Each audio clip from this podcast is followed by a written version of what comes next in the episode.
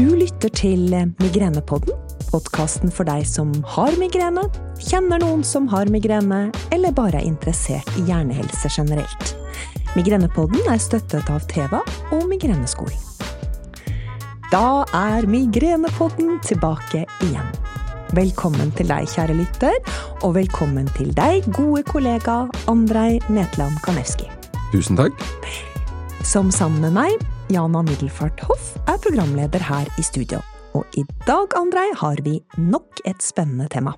Det har vi, Jana. Temaet er ernæring og migrene, og det er faktisk veldig mange av dere lyttere som er opptatt av det, og har sendt oss innspill. For kan man spise seg frisk av migrene? Er det bra eller mindre bra med faste økter? Finnes det noe som man med migrene ikke bør spise? Er det typer kosthold som passer bedre? Det skal vi snakke litt om i dag. Det er så utrolig mange spørsmål, og det er mange, også uten migrene, som er opptatt av hvordan det vi spiser, virker inn på hvordan vi har det.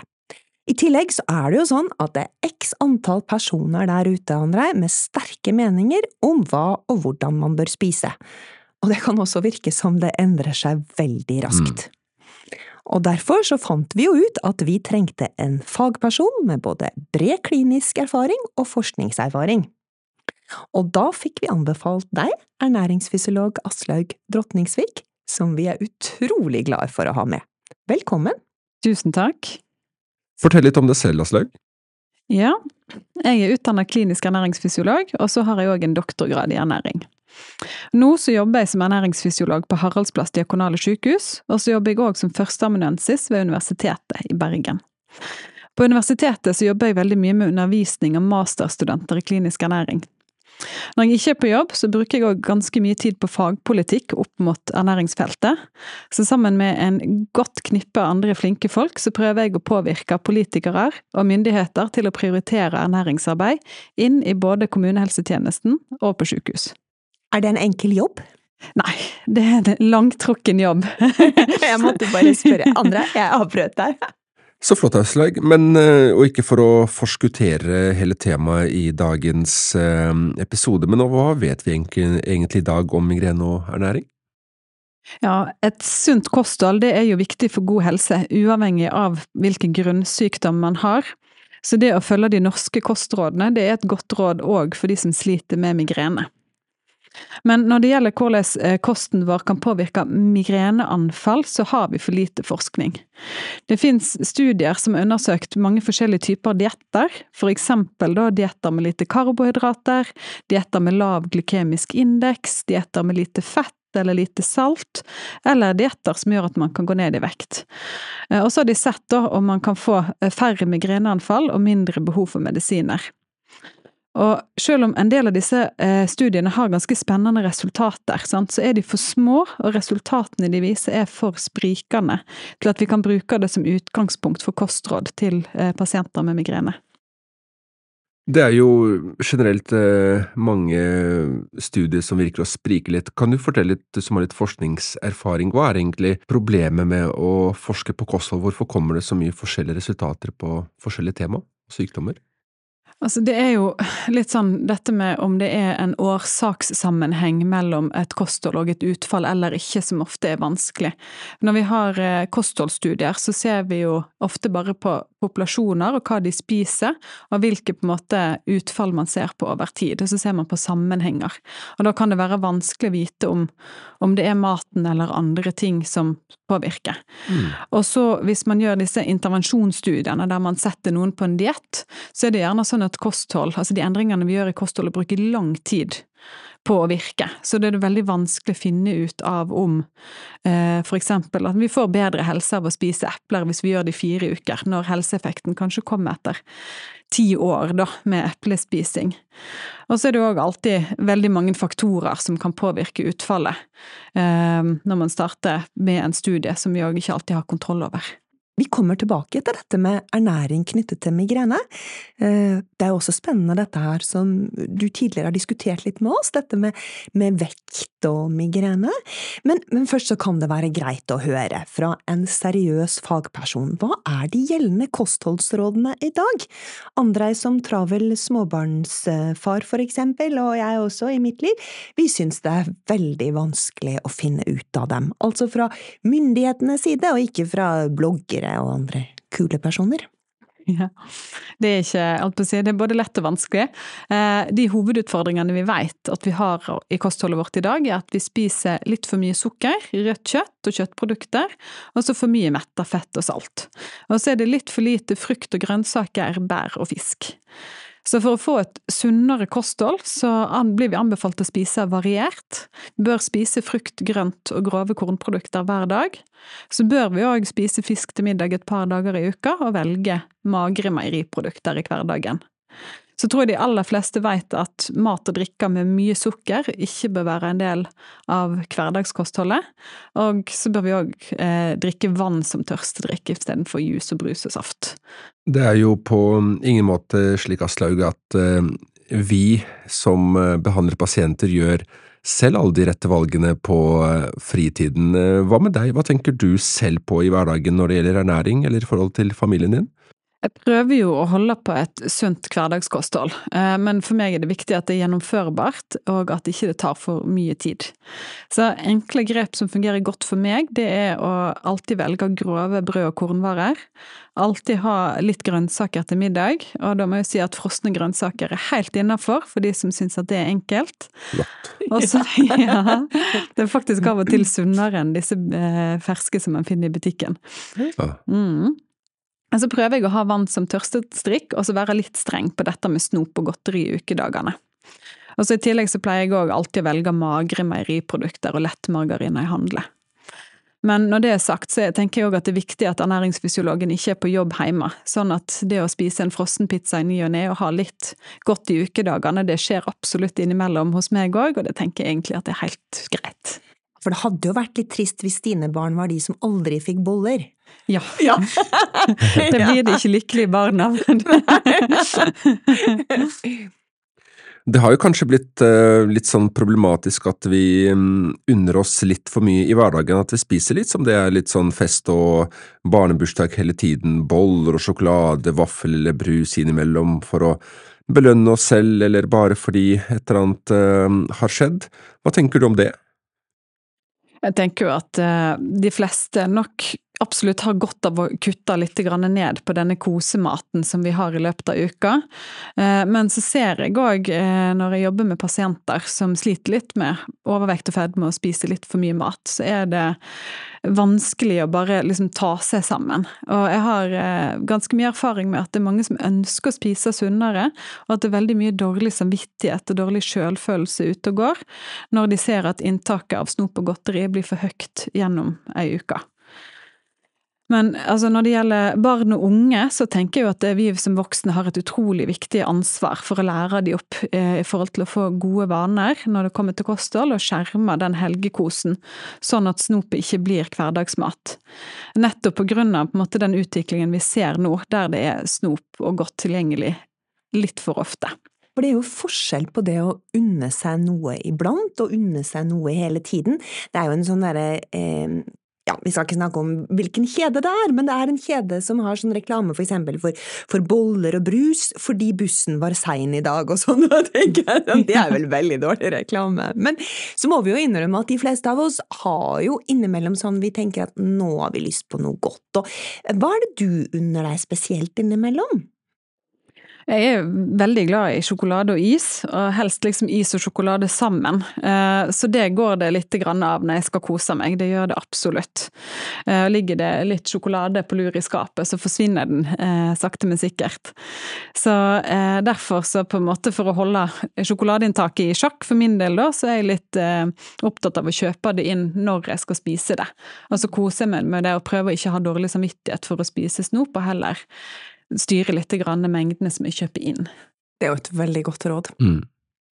Nå skal vi jo dykke litt mer i eh, temaet vårt, altså migrene og ernæring. og høre litt mer konkret om eh, hva sammenhengen her er, eksempel triggermat, fasting, vekt, eh, men før det, har du noe du vil dele med oss, Jana? Da, da, da, da. Det er klart for spalten Ting du ikke visste om migrene. Hva har du funnet frem til i dag, Jana? I dag skal jeg snakke om alkohol og migrene. For rådet om å redusere alkoholinntaket, ja, kanskje kutte det helt ut, det ble det jo veldig mye styr av her i landet da de nordiske kostholdsrådene kom, ikke sant, Aslaug? Ja, da var det mange som blei litt misfornøyd, rett og slett.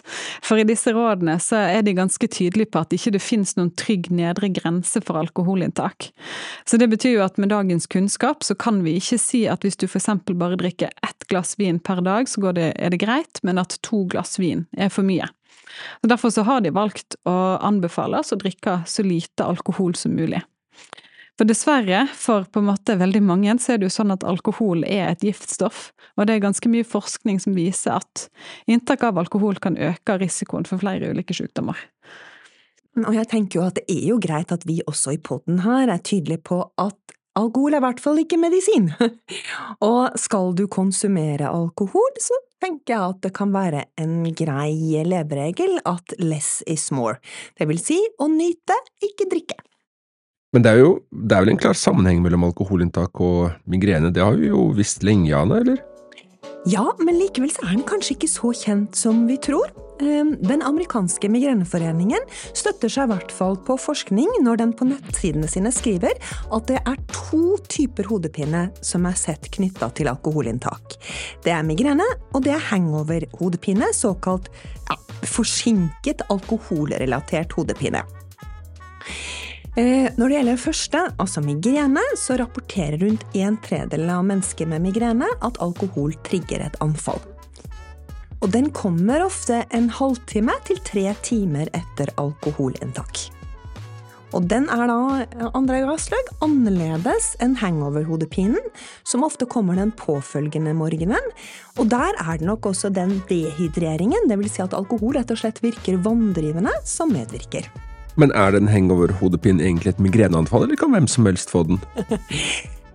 ja, altså det er nok sånn at eh, eh, migrene oppstår jo, eller oppleves jo, av de med migrene. Mens den andre hodepinen, den tror jeg veldig mange av de som hører på nå, uansett om de har migrene eller ikke, har opplevd eller kan oppleve. Men så er det faktisk sånn at har du migrene, så har du større risiko for hangover-hodepine også. Litt sånn dobbelt negativt.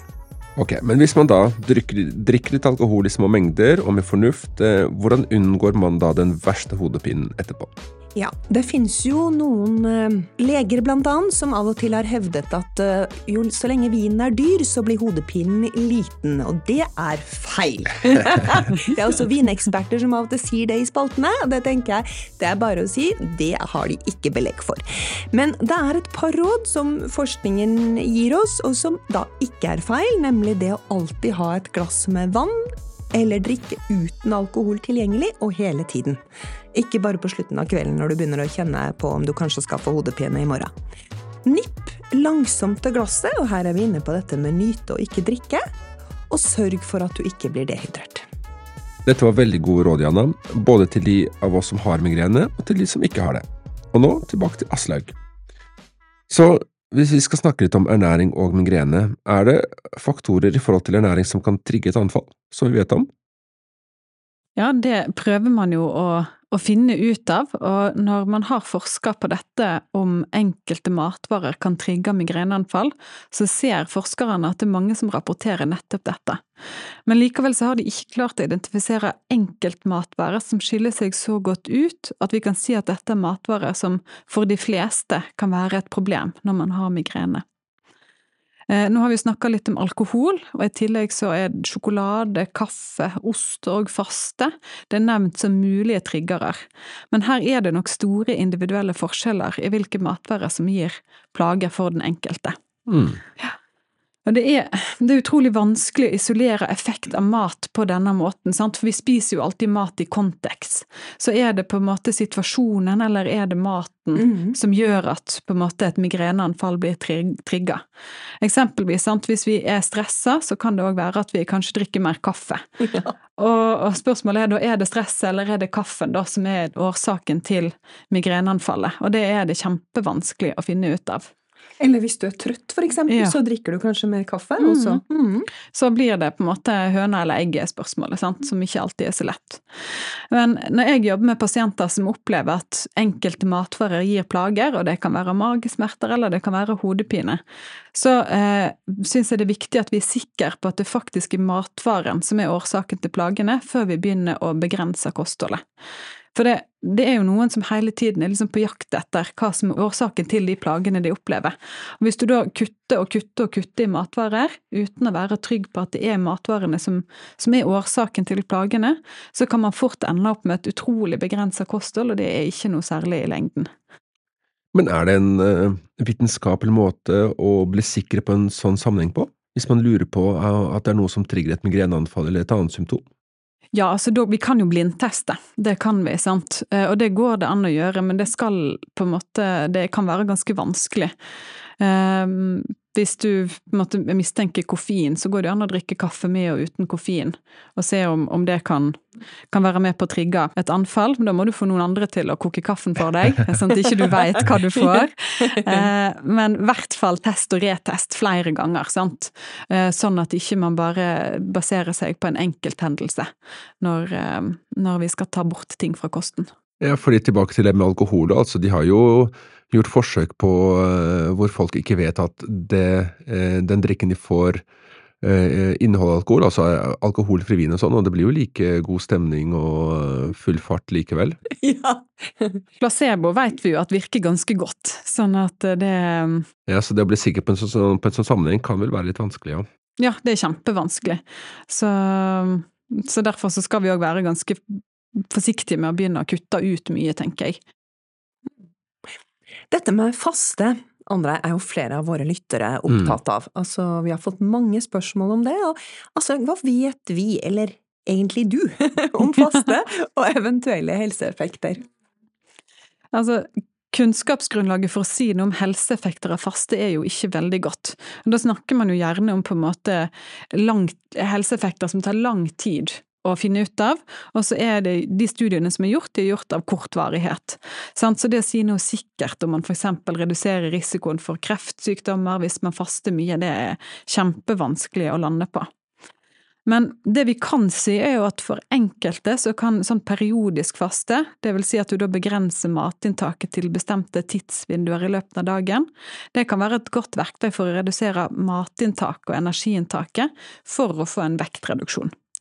Og for de som har overvekt eller fedme, så vet vi jo at det å gå ned i vekt, det vil gi gode helseeffekter i form av da redusert risiko for livsstilssykdommer. Så det kan vi på en måte si at, at virker, eh, hvis man syns at periodisk faste er, fungerer godt for deg, men utover det så er det vanskelig. Mm.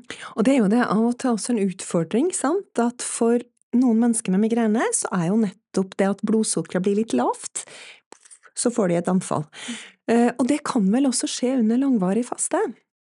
Altså, under langvarig faste så har kroppen faktisk ganske gode mekanismer for å holde blodsukkeret stabilt. Okay. Ja. Så utfordringen kommer heller når man da begynner å spise mat igjen, og særlig hvis du da er litt ulur i det du spiser og ender opp med å spise mat med mye sukker. For da kan blodsukkeret gå rett i taket, og så begynner kroppen å produsere insulin for å få blodsukkeret ned igjen, og da kan man da etter en stund gjerne se at blodsukkeret blir litt litt for lavt.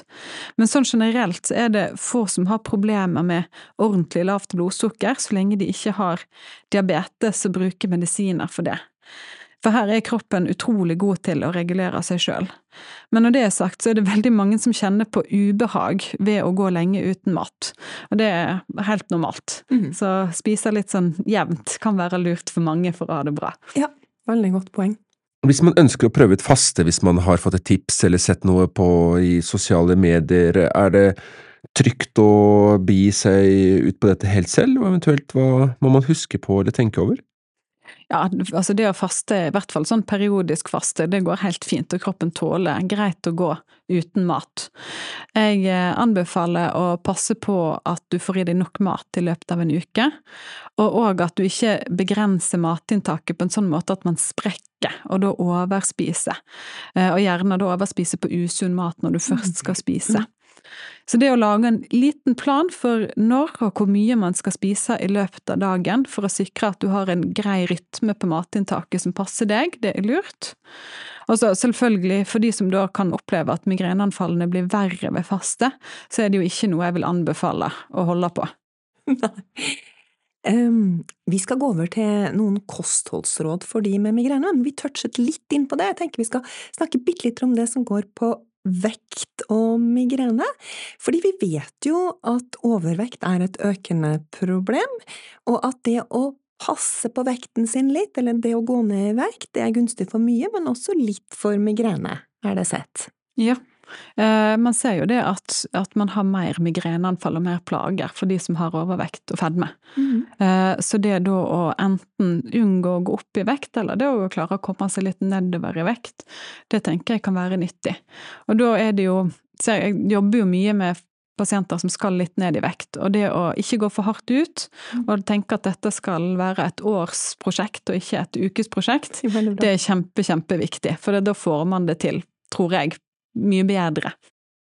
Mm, jeg tenker det er et veldig bra utgangspunkt, andre, for det er, jo, det er jo sånn også man må tenke i forhold til det å ha migrene i seg sjøl, at det å bli bedre av migrene, det krever ofte at man har en langsiktig plan og en litt sånn helhetlig tilnærming. Det er akkurat det, når man skal forebygge noe, så tar det tid. Det gjør det. Enda så kjedelig det er. Men så eh, Husk på det der ute, at eh, det å sette seg langsiktige mål, det krever tid, men det gir faktisk det beste resultatet. Men hva tenker du da, Aslaug, er et godt kosthold for en person med migrene? Og selvfølgelig ser man jo mye mer enn migrenen sin, man er ung, man er middelaldrende, man er kvinne eller mann og så videre, men er det likevel noen råd som, som passer for, for alle? Ja, da er det fem råd som jeg har lyst til å trekke fram for deg som lever med migrene, og jeg tenker at de kan nok passe for veldig mange andre òg. Ehm, jeg anbefaler jo alle et sunt og variert hverdagskosthold, der man da spiser grove brød og kornværer og frukt og grønnsaker hver dag.